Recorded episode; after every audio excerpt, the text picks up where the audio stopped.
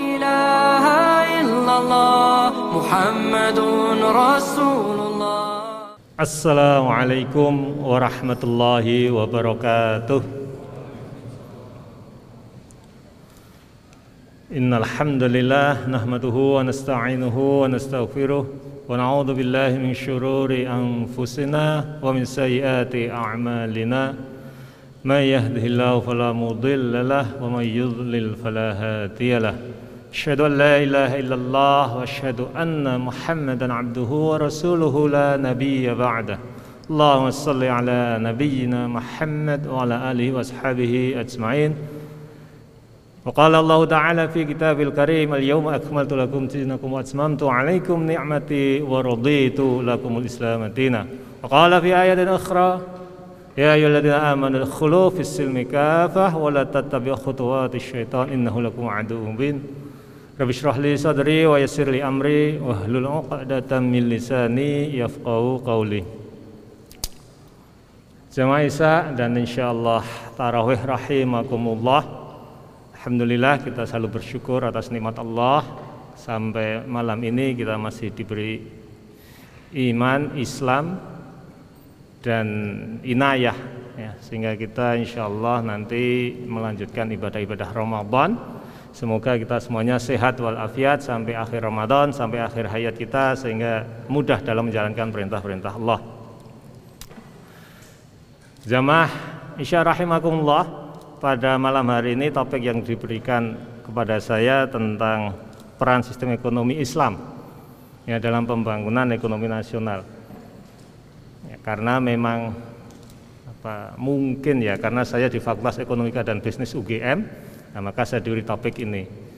Dan ini akan disambung besok pagi insya Allah oleh Profesor Slamet Sugiri, ya, beliau juga guru saya, itu semacam berbagi. Nanti saya akan singgung sedikit, misalnya nanti bagaimana nilai-nilai ekonomi dalam Islam, ya, tapi secara detail insya Allah besok pagi Prof. Sugiri akan menyampaikan. Jadi yang pertama, ya, karena waktunya 15 menit, jadi tarif dulu. Jadi apa yang dimaksud dengan ekonomi? Jadi kalau kita mendengar kata ekonomi, Ya, dalam bahasa Indonesia itu biasanya merujuk satu disiplin ilmu dan atau sistem gitu ya. Ya meskipun kalau secara bahasa yang benar ya menurut kamus bahasa Indonesia kita ya kalau merujuk pada ilmu ya ekonomika. Jadi fakultas kita itu insya Allah namanya benar ekonomika karena mengajarkan ilmu. Ya, jadi ada dua pengertian ya ilmu ya yang mempelajari uh, tentang distribusi pengelola, pengelolaan distribusi ya sumber daya kepada masyarakat. Tapi juga berarti sebuah proses yaitu bagaimana mengelola barang-barang tersebut.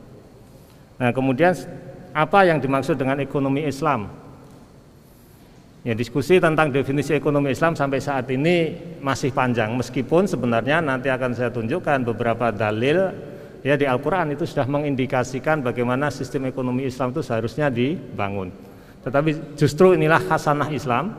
Jadi seperti yang kita pahami, Al-Quran dan Sunnah itu lebih banyak memberi prinsip-prinsipnya, kemudian bagaimana implementasinya, yaitu bisa disesuaikan oleh konteks zaman dan ruang yang ada. Jadi kalau ekonomi Islam secara mudah ya sistem ekonomi yang sesuai dengan ajaran dan hukum Islam. Atau kalau kita balik karena ekonomi ini merupakan ajaran Islam yang sifatnya al-muamalah ya bukan yang ibadah mahdoh maka ekonomi Islam bisa dikatakan sistem ekonomi yang tidak bertentangan dengan syariat Islam. Nah, oleh karena itu untuk memahami apa itu ekonomi Islam ya berarti kita harus memahami syariat Islam yang dituangkan dalam Al-Quran dan Sunnah Rasulullah Muhammad Sallallahu Alaihi Wasallam ditambah berbagai ilmu ya misalnya bahasa Arab, kemudian usulul fiqh dan lain sebagainya. Karena dinamika praktek ya perekonomian termasuk di dalamnya sistem keuangan itu kan selalu berkembang. Ya. Saya sebut saja misalnya jamaah yang sudah apa mungkin yang sudah sering ya jamaah dengar ada akad ya ada namanya al-bai al-murabahah ya kemudian al-mudharabah dan lain sebagainya tetapi sebenarnya sistem ekonomi Islam lebih luas ya pengertiannya dari sekedar akad-akad tersebut. Atau bahkan definisi yang lebih umum ya sesungguhnya sistem perekonomian yang diterapkan ya yang dilakukan oleh muslim yaitu ekonomi Islam. Dengan asumsi bahwa setiap mukmin, setiap muslim dalam bermuamalah termasuk dalam menjalankan ya, kehidupan ekonomi ya akan berdasarkan pada Al-Quran dan Sunnah Rasulullah Muhammad SAW. Nah kemudian saya tunjukkan beberapa dalil ini misalnya yang tadi saya, saya sampaikan tentang syumuliyah ajaran Islam ya kesempurnaan. Jadi saat wada Allah menurunkan wahyu Ya al-yauma akmaltu lakum dinakum wa asmamtu alaikum ni'mati wa raditu lakumul Islam madina. Jadi pada hari ini telah aku sempurnakan agamamu untukmu dan aku sempurna dan aku cukupkan nikmatku padamu dan aku ridho Islam menjadi agamamu. Nah, nanti silahkan dibaca buku-buku tafsir ya. Apa bedanya akmaltu dan atsmamtu gitu. Itu sudah banyak yang mengulas tapi secara ringkas Ya, kalau akmal tu itu dalam setiap komponennya itu sendiri sudah sempurna. Kalau atmam tu itu akan menjadi sempurna jika menjadi satu kesatuan gitu. Ya, misalnya kalau di Islam kita punya ajaran sholat, zakat dan seterusnya, termasuk saum, yaitu dalam dirinya sendiri ajaran itu sudah sempurna. Tetapi kalau yang atmam merujuknya pada nikmat, misalnya kesehatan, kekayaan, ya yang relevan dengan topik kita, kayak kalau tidak didasarkan atau dijiwai oleh nilai-nilai Al-Quran yaitu tidak sempurna. Kemudian dalil yang lain bahwa ekonomi Islam itu ada, ya kalau secara filosofis atau filsafat ini dasar ontologisnya ada. Ya, udhulu fisil mikafah. Masuklah kamu ke Islam ya secara kafah menyeluruh. Ya oleh karena itu dalam kita menjalankan perintah Allah di dunia ini termasuk dalam bermuamalah ya ya harus mendasar pada nilai-nilai ajaran Islam. Kemudian pertanyaannya yang selanjutnya apakah memang Islam itu mengatur kehidupan mengatur kehidupan ekonomi gitu ya, mengatur uh, sistem ekonomi. Ya para ulama misalnya dalam kajian mereka salah satu al-maqasid asy-syariah yang lima ya yang disebut al-maqasid asy-syariah ad-daruriyah ya yang esensial tujuan syariah itu adalah selain hifdzuddin, hifdzun nafas, kemudian ada hifdzul mal. Hifdzul mal ya menjaga harta. Harta ini bisa dikatakan simbol dari ekonomi gitu. Kemudian misalnya kalau kita lihat firman Allah lagi di surat Al-Qasas ya. Wabtaghi fi ma ataqallahu daral akhirah wa la tansa nasibaka minat dunya. Jadi Allah memerintahkan supaya kita ya berusaha untuk mencari ya kehidupan akhirat sebaik mungkin tapi tidak melupakan kehidupan dunia. Nah, kalau kita baca tafsir sesungguhnya ya yang dimaksud dengan ayat ini bukan keseimbangan dalam arti kalau persentase 50-50 tetapi kehidupan dunia ini termasuk kehidupan ekonomi. Simbolnya adalah harta mestinya ditujukan untuk kehidupan akhirat. Karena memang faktanya ya, banyak ajaran Islam yang harus kita lakukan itu memerlukan support atau dukungan kekayaan atau harta. Dan inilah salah satu esensi ekonomi yaitu bagaimana mengelola aset atau sumber daya contoh sederhana kalau kita akan pergi ibadah haji khususnya kita di Indonesia ya harus punya uang. Secara keekonomian hitung-hitungan yang actual atau real costnya itu sekitar 70 juta. Ya, tetapi beberapa waktu yang lalu DPR ya dan pemerintah sudah sepakat menetapkan 39,9. Jadi ada subsidi sebenarnya ya. Setiap jamaah haji yang berangkat itu ada subsidi sekitar 30 juta. Nah, ini menunjukkan pentingnya ekonomi. Kemudian contoh yang lain zakat, infak, sodakoh, wakaf itu juga memerlukan harta. Ini juga menunjukkan bagaimana sesungguhnya aspek ekonomi itu merupakan aspek yang penting dalam Islam. E, kemudian misalnya ya kita lihat lagi di surat Jum'ah. Ini sebenarnya yang ingin saya tekankan bagaimana Islam itu tidak memisahkan urusan dunia dan akhirat. Ya, Menurut keyakinan saya sampai saat ini ya di Islam ya syamil sempurna tidak ada sekularisasi urusan dunia dan akhirat tidak tidak bisa dipisahkan. Misalnya di surat Al-Jum'ah wa idza shalat fantashiru fil ard. Ya. Jadi setelah sholat Jumat ya kita diperintahkan. Jadi fiilnya ini memang fiil amr. Nah, fiil amr atau kata perintah dalam bahasa Arab itu maknanya bisa macam-macam. Bisa wajib, bisa mubah gitu. Nah, para ulama sebagian besar mengatakan perintah di ayat Jumat ini adalah mubah atau membolehkan. Ya. Jadi kita bertebaran di muka bumi untuk mencari rezeki. Jadi sudah sangat jelas sesungguhnya Islam ya itu mengatur kehidupan ekonomi tetapi detailnya ya karena kalau kita bicara sistem berarti kita bicara tentang struktur dan proses. Nah, struktur kelembagaan misalnya ini diserahkan kepada e, masyarakat yang ada saat itu. Jelas akan berbeda sistem pada zaman Nabi Muhammad SAW dengan sistem yang sekarang. Tetapi secara esensi nilai-nilainya itu ada. Misalnya bagaimana Islam ya membela kaum mustadafin dengan berbagai ajarannya yang sering disebut filantropi Islam ada zakat, infak, sedekah, wakaf. Nah, kalau di dunia modern ada alat untuk mengukur ketimpangan antara kaya dan miskin yang terkenal misalnya indeks Gini. Jadi, apakah ada ketimpangan yang besar antara yang kaya dan yang miskin secara rata-rata tentu saja kalau kita menggunakan angka-angka atau statistik ya, yaitu secara rata-rata. Ya itu salah satu ajaran Islam misalnya bagaimana kita mengembangkan ekonomi bukan berarti kita dilarang kaya. Ya.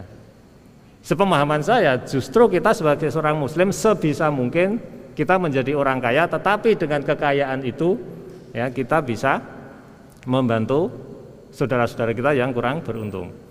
Begitu juga di level negara. Ya, kalau kita bicara ekonomi biasanya dibagi mikro dan makro. Jadi kalau makro itu levelnya sistem paling tidak atau satuan terkecil biasanya negara, tapi juga ada yang ekonomi mikro. Ekonomi mikro itu dalam satu organisasi, misalnya perusahaan dan lain sebagainya. Jamaah rahimakumullah, kalau kita sederhanakan misalnya bahwa perekonomian yaitu disimbolkan dengan perdagangan misalnya Allah mengajarkan supaya kita dalam melakukan perdagangan ini jujur secara spesifik misalnya wa auful kaila idza qiltum wazinu bil qistasil mustaqim dzalika khairun wa ahsanu ta'wila. Jadi kalau kita menimbang harus sesuai ukuran, tidak boleh bohong, tidak boleh menipu, harus jujur. Kemudian secara spesifik lagi misalnya ya kalau kita di level negara itu kita mengenal APBN, anggaran pendapatan belanja negara. Itu ada catatan-catatannya. Jadi asetnya berapa, kemudian hutangnya berapa, Nah, bagi yang tertarik ya nanti silahkan dikaji lagi APBN kita. Ya, perkembangan hutang itu semakin naik atau semakin turun. Ya, silahkan nanti dikaji. Tetapi yang saya katakan misalnya bahkan ayat terpanjang di dalam Al-Qur'an di surat terpanjang yaitu Al-Baqarah 282 misalnya, di situ Allah sudah memberikan pesan ya supaya dalam hutang atau utang apa utang berutang gitu ya. Ya ayyuhalladzina amanu idza tadayantum bidainin ila ajalin musamma faktubu. Jadi supaya ada pencatatan. Nah ini beberapa prinsip. Nah sekarang saya akan sajikan beberapa data dan fakta misalnya karena ini kan kontribusi. Ya sistem ekonomi Islam dalam pembangunan ekonomi nasional. Yang pertama ya misalnya di tahun 2018 ini sebenarnya Bank Indonesia itu sudah mengembangkan arsitektur ya, pengembangan ekonomi syariah. Itu sudah sangat detail. Artinya apa? Yang ada di Bank Indonesia itu orang-orang pinter biasanya kalau alumni FEB UGM itu cita-citanya eh, paling tidak zaman saya kuliah dulu itu kalau lulus kerja itu milihnya dua jadi dosen FEB UGM atau bekerja di Bank Indonesia. Ya, saya hanya akan mengatakan yang pinter-pinter itu yang di BI, yang dosen berarti ya mungkin sama ya implisit kan begitu. Jadi zaman saya kalau lulus kayaknya mau cita-citanya apa kerja di BI atau jadi dosen. Nah artinya sudah dipikirkan saudara-saudara kita yang di Bank Indonesia ya mereka sudah punya pemikiran bahwa sistem ekonomi Islam ini bisa ya berkontribusi dalam pembangunan nasional. Kemudian fakta yang lain misalnya otoritas jasa keuangan ya OJK itu juga sudah mengembangkan atau punya roadmap ya bagaimana perekonomian Islam itu bisa berkontribusi. Kalau saat ini sih ini ada data misalnya Untuk perbankan syariah itu yang masih di sekitar 6%, kemudian pasar modal ya, kemudian di industri keuangan syariah non bank itu juga ada datanya. Tetapi yang menarik misalnya yang dibuat oleh OJK ini ternyata OJK adalah otoritas jasa keuangan, mereka mencoba mengintegrasikan semua ya aspek dalam ekonomi ini kepada uh, sistem keuangan. Dan sudah 10 tahun kalau nggak salah mereka selalu apa namanya mengembangkan lalu memperbaiki. Ya roadmap pengembangan ekonomi syariah. Ya misalnya mereka mencoba mengintegrasikan mulai dari sistem perekonomian di masjid ya. Kita bisa bayangkan berapa banyak masjid yang ada di Indonesia ini kemudian kalau masjid kita kemarin itu ada berapa sekitar berapa 3 juta ya tinggal mengalihkan berapa masjid yang kita punya. Jadi berapa potensi ekonomi Islam kita. Kemudian dikaitkan dengan industri, pariwisata dan lain sebagainya.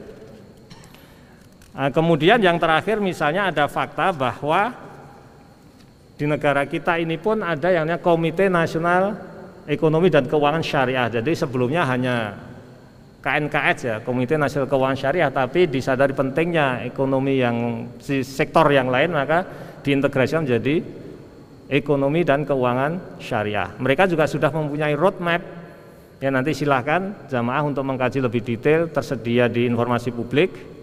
Tetapi sebagai penutup ya dengan keyakinan kita sebagai muslim ya dan mukmin termasuk mukminat ya dan muslimat yang ada di masjid ini khususnya dan juga jamaah yang ada di mana pun kita harus ingat pada firman Allah di surat Al-A'raf ini sebagai penutup walau anna ahlal qura amanu wattaqaw la fatahna alaihim barakatim minas sama'i wal ard walakin kadzabu fa akhadnahum bima kanu yaksibun.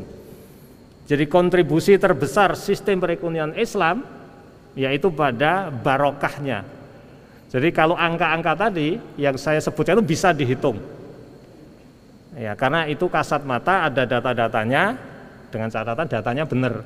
Cuman masalah sekarang kan kadang data ini nggak benar. Tetapi sebenarnya yang paling penting yang ditegaskan oleh Allah Al-Araf ayat 96 adalah bagaimana dengan amanu wattaqau salah satu implementasi iman dan takwa adalah mengamalkan sistem perekonomian Islam maka insya Allah kita akan mendapatkan barokah tidak ada dunia tapi juga di akhirat makna barokah secara sederhana adalah kebaikan yang luas dan abadi atau kekal. Jadi kalau ditanya sebenarnya mana yang yang apa namanya kontribusi nyata dari sistem perekonomian Islam paling tidak ada dua berkontribusi secara apa namanya kasat mata ada hitung hitungannya tadi potensi perekonomian Islam tapi juga yang tidak kalah penting adalah barokah yang bisa kita peroleh kalau kita menerapkan ajaran Islam.